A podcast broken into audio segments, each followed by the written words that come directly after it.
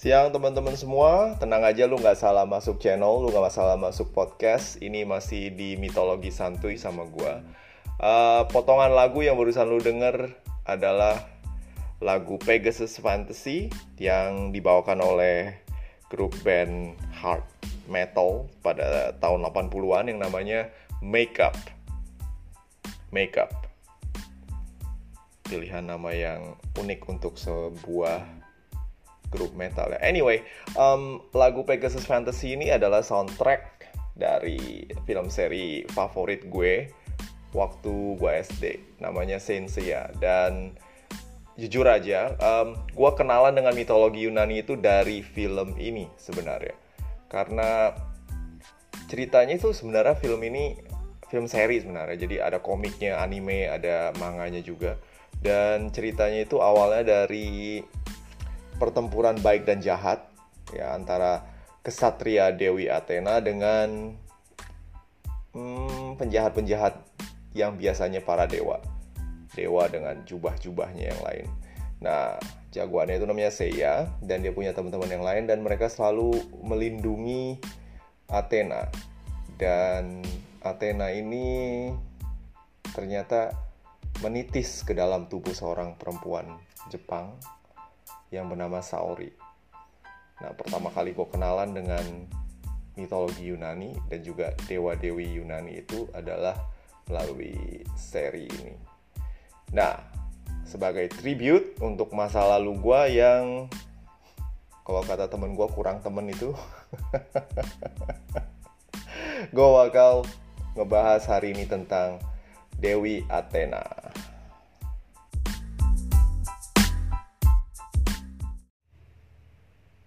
Pernah nggak sih lu punya temen um, sekelas atau sekantor, cewek, pinter, baik, terus cerdas, dan penuh pemikiran dan langkah-langkahnya itu selalu strategis, gak pernah gerasa gerusu dan orang yang patut dijadikan tempat untuk mencari nasihat kalau lu butuh sesuatu nasihat tentang apa pun lu datang ke orang ke cewek ini.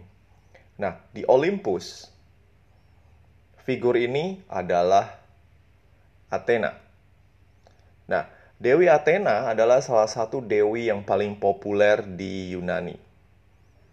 Saking populernya, Athena juga dikenal uh, dan juga disembah oleh orang Romawi. Well, um, orang Romawi basically copy paste ya copy paste dari dewi-dewi dan dewa-dewa di Yunani lalu dikasih nama mereka. Contohnya kalau misalnya Athena jadi Minerva, Zeus jadi Jupiter, atau Ares jadi Mars, uh, Aphrodite jadi Venus. Venus, Venus, bukan yang itu. Anyway, um, aduh gue renting lagi, baru juga mulai. Um, Oke, okay. Athena, um, dia ini adalah dewi yang populer dan kalau lu pergi ke Turki atau lu pergi ke Yunani, kuilnya itu banyak sekali. Paling paling enggak lu bakal ketemu sekitar lebih dari 20-an. Uh, gue sendiri udah pernah pergi ke Athena, ya uh, kota Athena di Yunani ibu kotanya, dan pergi ke Parthenon, kuil utama dari Athena. Uh, ah, gue ceritain nanti deh. Sekarang kita fokus ke karakternya dulu. Athena ini adalah sebenarnya anak dari Zeus dan dengan seorang titan cakep pinter bernama Metis. Gue agak uh, ah, gue pernah bahas sedikit tentang uh, Metis di episode Clash of the Titans atau mungkin di Playboy Zeus ya gue lupa juga. Tapi lu bisa check it out kalau lu mau denger sedikit tapi di sini lebih banyak. Tapi lu boleh denger dua-duanya. Kenapa? Karena gue pengen banget orang dengerin gue oke okay. anyway um, so jadi ceritanya begini. Uh, Zeus setelah mengalahkan para titan dia itu eh belum belum mengalahkan para titan sewaktu dia tumbuh besar waktu remaja dia tuh pernah terlibat cinta dengan uh, Metis. Metis ini pinter, cerdas, chef shifter juga, bisa berubah jadi apa aja. Dan dia ini kemudian bersama dengan Zeus. Jadi Zeus belum sama Hera, karena Hera masih ada di perut uh, di perut bapaknya yaitu Kronos. Anyway, uh, singkat cerita habis Zeus kalah dan eh, habis Zeus kalah, habis Kronos kalah dan lain-lain, Metis ini hamil. Nah, Zeus ini ketakutan kalau misalnya nanti anak yang bakal dilahirkan oleh uh, Metis ini bakal lebih kuat dari dia dan kemudian bakal mengalahkan dia seperti dia mengalahkan bapaknya, Kronos.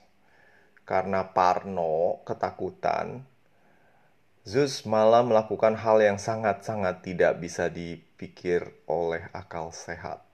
Gue juga nggak bisa nyerna sih somehow um, Zeus ini menelan bulat-bulat si Metis yang lagi hamil. Para suami tolong jangan menelan istri Anda yang sedang hamil karena ini tindakan yang sangat menjijikan dan jangan mentang-mentang lu berpikir kalau makan emaknya dapat anaknya enggak itu ngaco banget bro ini yang dilakukan oleh Zeus dan Zeus kena batunya jadi suatu saat setelah menelan Metis, jadi Metis itu nggak mati di dalam tubuh Zeus. Gue juga nggak ngerti. Mungkin uh, Zeus ini badannya gede banget kali atau di dalam ada ruang atau mungkin ada villa sendiri dia bisa tinggal di dalam terus uh, minum prenagen sambil ngerawat bayi atau gimana gue nggak ngerti pokoknya ah, oke oke gue balik lagi anyway um, Zeus kemudian pada waktu dia lagi kongko-kongko santai di Olympus. Tiba-tiba kepalanya dia pusing banget, sakit banget, sakit sampai dia teriak-teriak. Dewa-dewa yang lain pada kebingungan, kenapa ini? E, pa, kenapa pa? Kata Hera. Yang jelas, Zeus nggak jawab dengan kata-kata yang baik. Kalau misalnya dia ngomong, mungkin disensor semua kali anyway itu versi jelek dari sensor suara gua anyway um, yang yang kemudian dilakukan oleh Zeus adalah berteriak-teriak memanggil anaknya yang bernama Hephaestus. Jadi Hephaestus ini adalah um, dewa senjata. Jadi dia itu tiba-tiba dipanggil. Dan Hephaestus ini disuruh mengampak. Mengampak. Itu bukan kata kerja kali bro Me membelah kepala Zeus dengan kampak. Hephaestus tuh kaget. Uh, yang benar nih pak. Gue nanti papa. Tiba-tiba Zeus bangkit.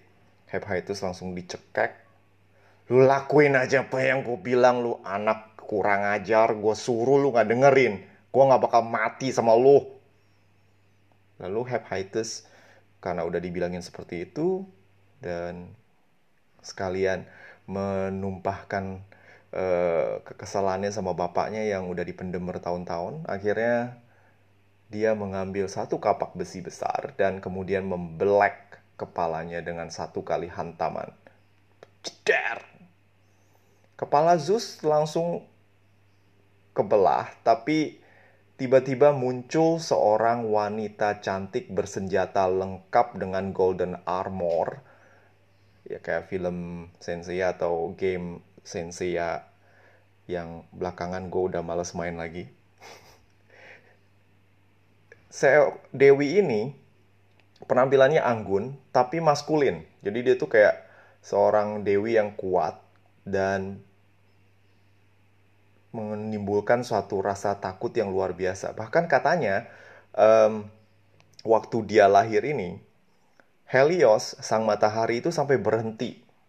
Gunung-gunung meletus, bumi bergetar, dan rasa takut yang dipersonifikasikan oleh dewa Phobos. Jadi Ares itu punya dewa, eh, punya anak namanya Phobos.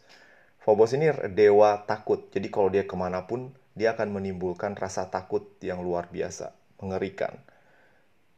Cuma lucunya, Phobos ketika Athena lahir, dia lari ketakutan. Gue nggak bisa ngebayangin loh. dewa yang menimbulkan rasa takut itu rasa ketakutan. Itu kayak lu lebih takut dari rasa takut itu sendiri. Gimana logikanya ya? Wah, gue nggak tahu dah. Jadi Athena ketika lahir itu sudah dalam posisi siap tempur. Dia udah punya armor dan lain-lain. Semua penghuni Olympus langsung terkesima melihat kehadiran dewi ini.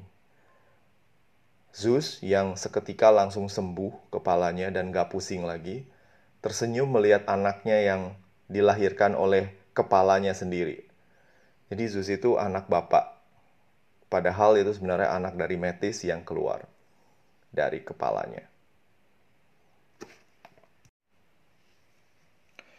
Athena dengan kecerdasannya dan juga kewibawaannya kemudian membuat Zeus menempatkan dia menjadi dewa dewi peperangan tapi bukan peperangan seperti Ares karena ada Ares juga merupakan dewa perang yang menjadikannya berbeda dengan Ares adalah kalau Ares perang itu untuk perang secara ofensif dan brutal jadi ketika Ares itu berperang apa yang dipikirkan oleh Ares itu adalah membunuh musuh sebanyak mungkin dan mengakibatkan teror yang luar biasa. Sedangkan kalau Athena, Athena ini penuh dengan pemikiran dan strategi. Jadi biasanya dia untuk defend. Um, Athena memiliki banyak strategi dan juga cara untuk memenangkan perang.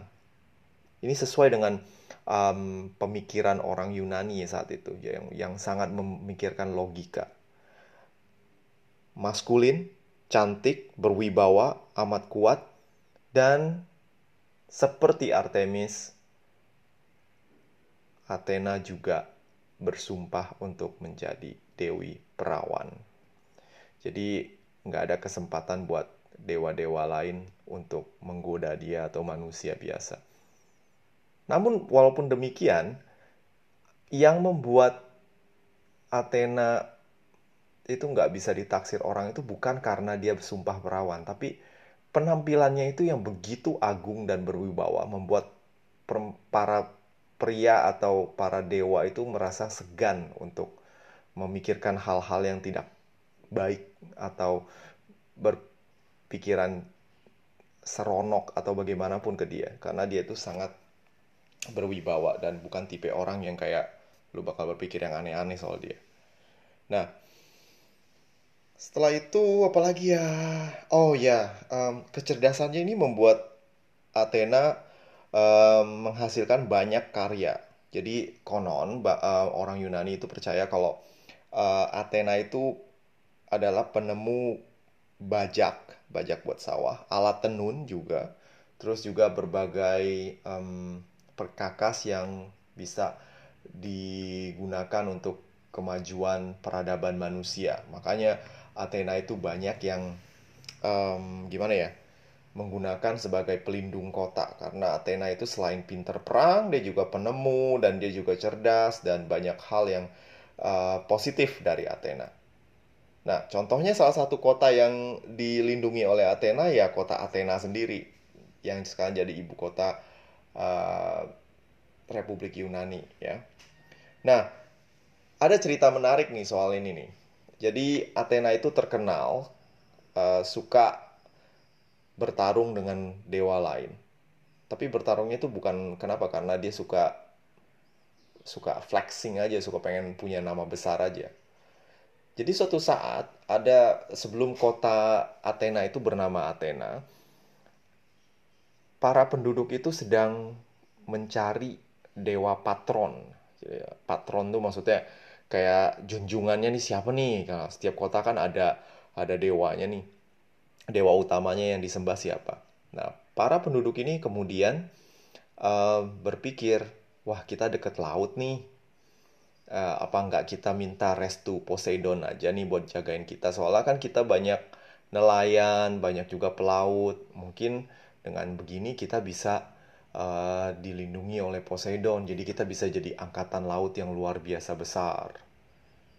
Nah, lalu di pihak lain ada juga kelompok yang mau tapi bukannya lebih baik kalau kita menyembah dewa yang bisa memberikan kita um, berkat kayak uh, alam atau hasil cocok tanam atau uh, kemajuan peradaban yang mulia supaya kita itu juga terkenal di kota di di antara para negara kota lain di Yunani. Nah, um, kemudian ketika mereka sedang berdebat, datanglah dua dewa yang merasa boleh nih, gue lagi mau cari popularitas nih, gue mau cari follower-follower biar makin rame aja yang nyembah gue. Jadi nggak cuma Instagramers ya guys punya follower, ini Dewa Dewi juga butuh follower. Nah pertama kedua dewa ini mau berantem sebenarnya, tapi karena um, Athena menyarankan gimana kalau kita berantemnya caranya lain, Om. Ya Poseidon kan masih omnya nih. Gimana kalau kita ngelakuin hal kayak apa sih yang bisa kita kasih buat para penduduk ini? Kalau setelah itu baru voting siapa nih yang bakal menang? Habis itu kasih nama dah negara uh, uh, kota ini sesuai dengan nama dia. Emang udah spoiler menang Athena sih sebenarnya cuma kok kasih tahu aja nih bagaimana asal usulnya so Poseidon bilang ah daerah sini agak kering ya bakal gue kasih air dah gampang dia ngambil trisulanya dan dihantamkan ke tanah. Jeder! Lalu keluar sumber air yang deras. Ketika penduduk itu mencoba minum airnya, ternyata airnya itu air asin. Jadi bukan pam. Lucu juga ya. Ya nggak mungkin ada pam lah. Lalu selanjutnya yang kejadian adalah Athena kemudian bikin satu pemberian yang menurut bangsa Yunani adalah pemberian yang paling besar buat bangsa Yunani dan juga seantero Mediterania, yaitu pohon zaitun. Jadi Athena memberikan pohon zaitun yang Buahnya bisa dimakan, bisa dijadikan minyak zaitun yang bisa diolah untuk banyak hal, dan kayunya bisa juga dibangun untuk jadi perkakas. Dan ketika diadakan voting, para penduduk memilih Athena. Poseidon tentu kesel, tapi berhubung mereka kemudian uh, mengadakan satu rekonsiliasi. Akhirnya Poseidon pun mengalah dan kota ini disebut Athena. Kalau Poseidon yang menang, mungkin namanya Poseidonia. Di antara anak-anak Zeus, anak yang paling dia sayangi mungkin ya, ini menurut gua, adalah Athena. Gimana enggak dia cakep, baik, terus juga bijaksana dan pandai uh, mengambil tindakan dalam suatu kesulitan apa pun. Jadi Zeus itu tidak pernah pusing dalam mengurusi uh, perkara hidup Athena. Gue ngomong dewa-dewi kayak uh, keluarga cemara. anyway, Zeus saking sayangnya dengan Athena sampai dia itu menghadiahkan Athena dengan Aegis. Aegis itu semacam perisai. Jadi perisai besar yang konon bisa meruntuhkan gunung-gunung dan tembok-tembok kota. Nah, um, Athena pernah pakai um, Aegis ini untuk melawan musuh-musuh uh, yang berbahaya dan dia juga pernah menitipkan ini kepada seorang kesatria yang namanya Perseus untuk mengalahkan Medusa. Di kemudian hari, Aegis ini juga diberi hiasan kepala Medusa supaya serangannya lebih mantap lagi. Siapa yang melihat akan menjadi batu. Nah, um, dengan semua kualitas yang bagus atau sifat-sifat Athena yang luar biasa ini, tampaknya seperti tidak ada celah atau suatu hal yang buruk dari Athena. Tapi sebenarnya sih ada juga, gak ada yang sempurna dalam mitologi Yunani. Karena bangsa Yunani itu selalu mikir kalau dewanya itu sama aja kayak mereka. Punya sifat-sifat yang buruk dan juga punya punya sifat yang baik. Termasuk Athena. Athena ini terkenal sombong.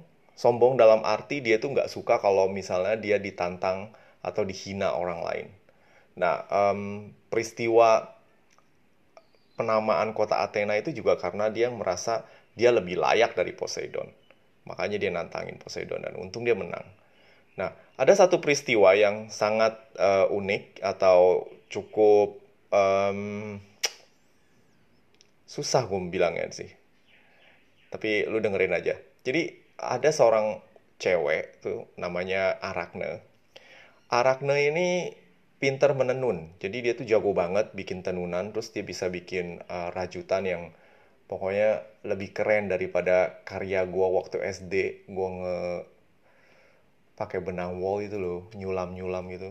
Entah kenapa cowok disuruh sulam waktu dulu. Gua no offense, gua nggak bilang kok cowok nggak boleh uh, menyulam, boleh aja. Cuma memang gua gua tuh nggak punya bakat seni sama sekali. Kayaknya tangan gua dua-duanya kiri atau dua-duanya kanan, jadi gua nggak bisa uh, coordinate very well.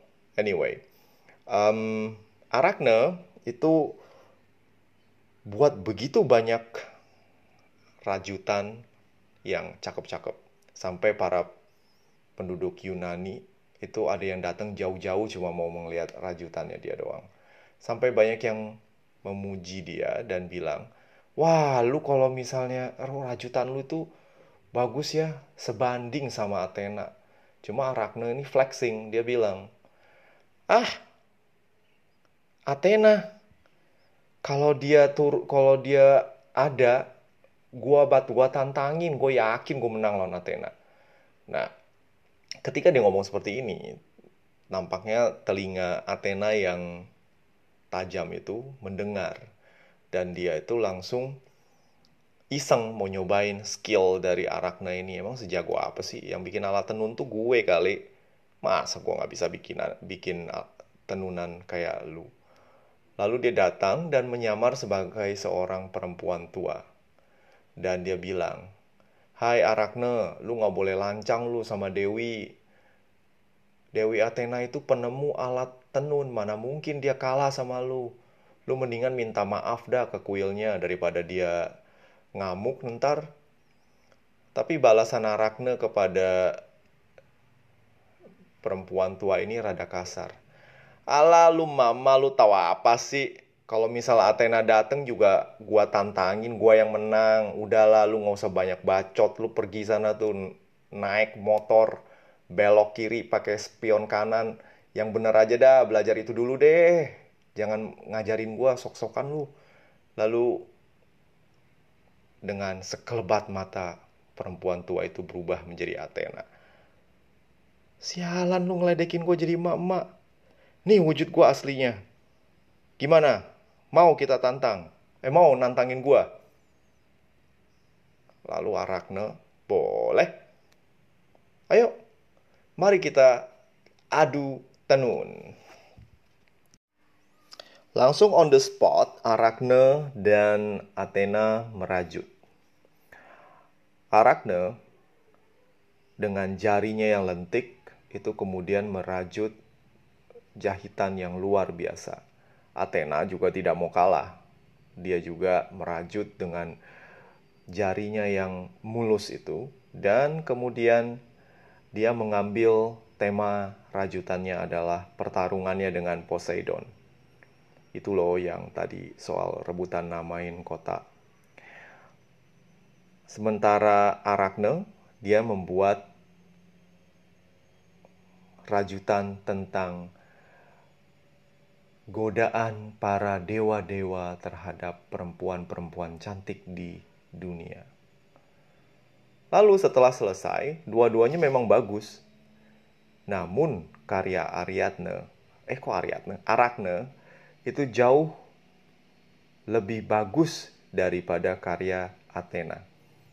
Selain penonton, Athena pun mengakui kalau tidak ada cacat yang ada di rajutan Arakne. Namun, karena dikalahkan oleh manusia biasa, Athena itu merasa kesal dan Arakne langsung dicekek. Ketika menjelang ajal, Athena sadar dan langsung menghentikan serangannya kepada Arakne. Yang terjadi adalah Arakne dikutuk oleh Athena menjadi makhluk berkaki delapan yang memintal dan menyulam selalu dan sampai sekarang masih ada, yaitu laba-laba. PTW, laba-laba itu kakinya berapa sih? 8 apa 6 sih? Aduh, aku bukan ahli biologi. Anyway, um, oke okay, kita lihat dari sisi bahasa aja.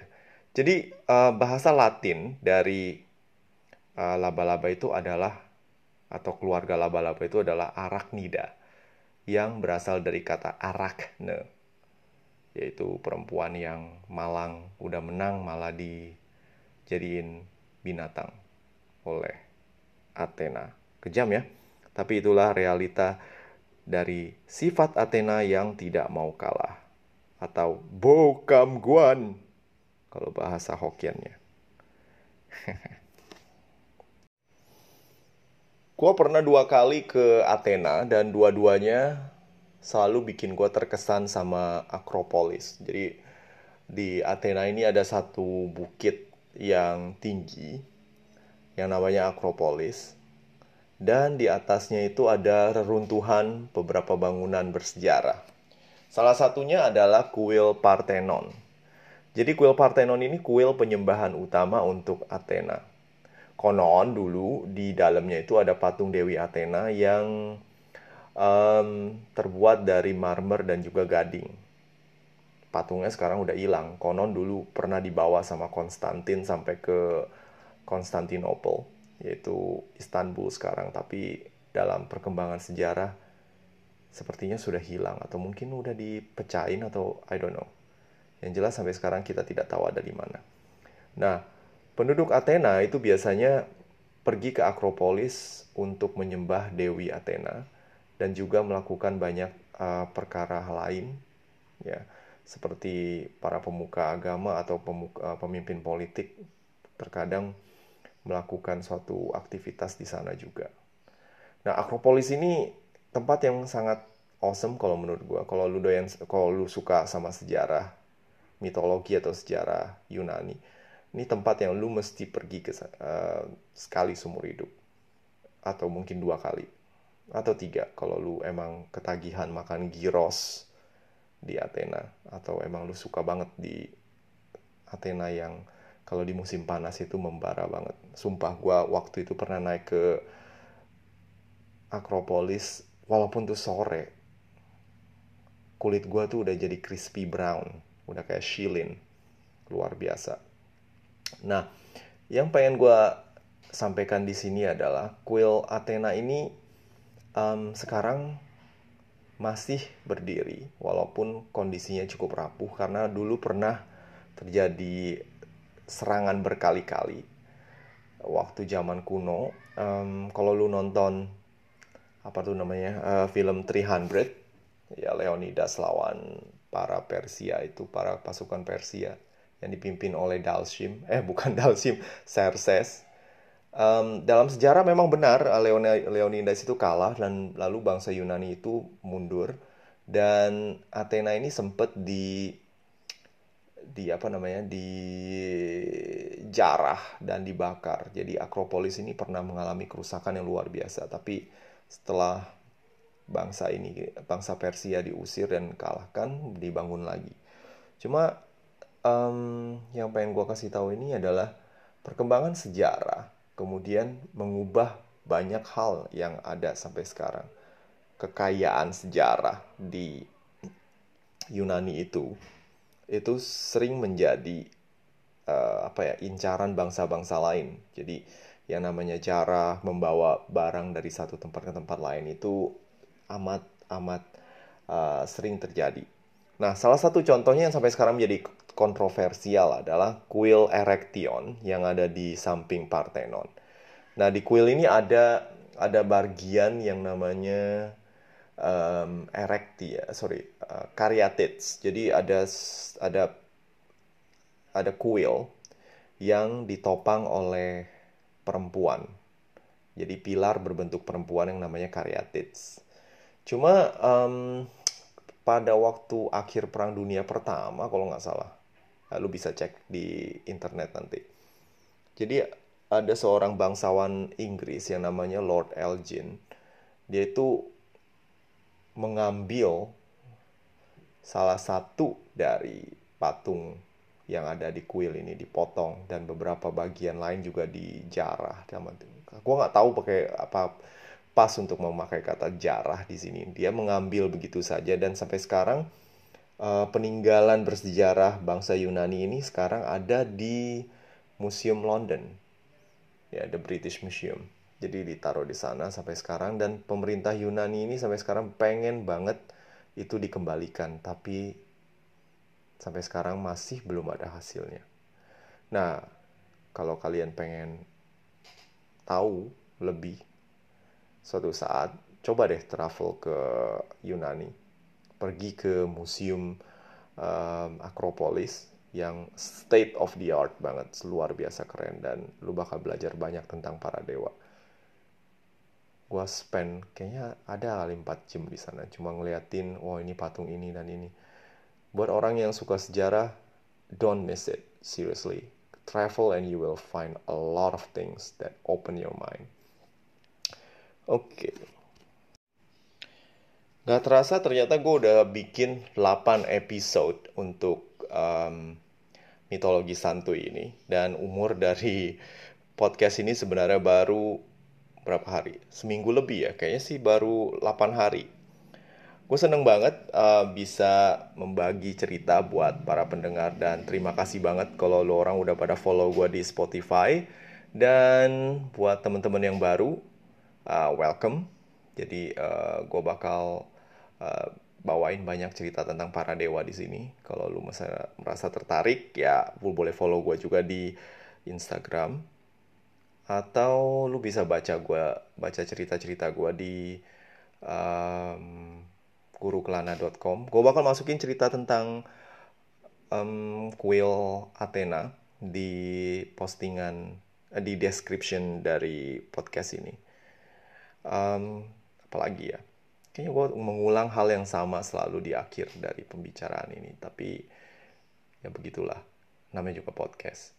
Kalau kalian pengen kasih kritik, saran, atau pengen ngobrol-ngobrol atau lu boleh tanya-tanya gue juga kalau lu pengen tahu apa yang mengusik pikiranmu tentang mitologi Yunani abang akan bantu.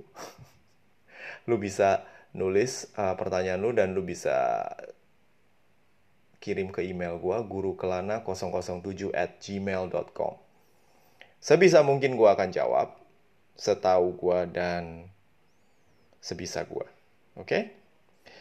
Oke, terima kasih untuk meluangkan waktu Anda mendengarkan cerita dari Dewi Athena bersama mitologi santuy ini Guru Kelana Hendro Liu. Cabut dulu ya, gue mau ke mall dulu. Minggu siang. Dah.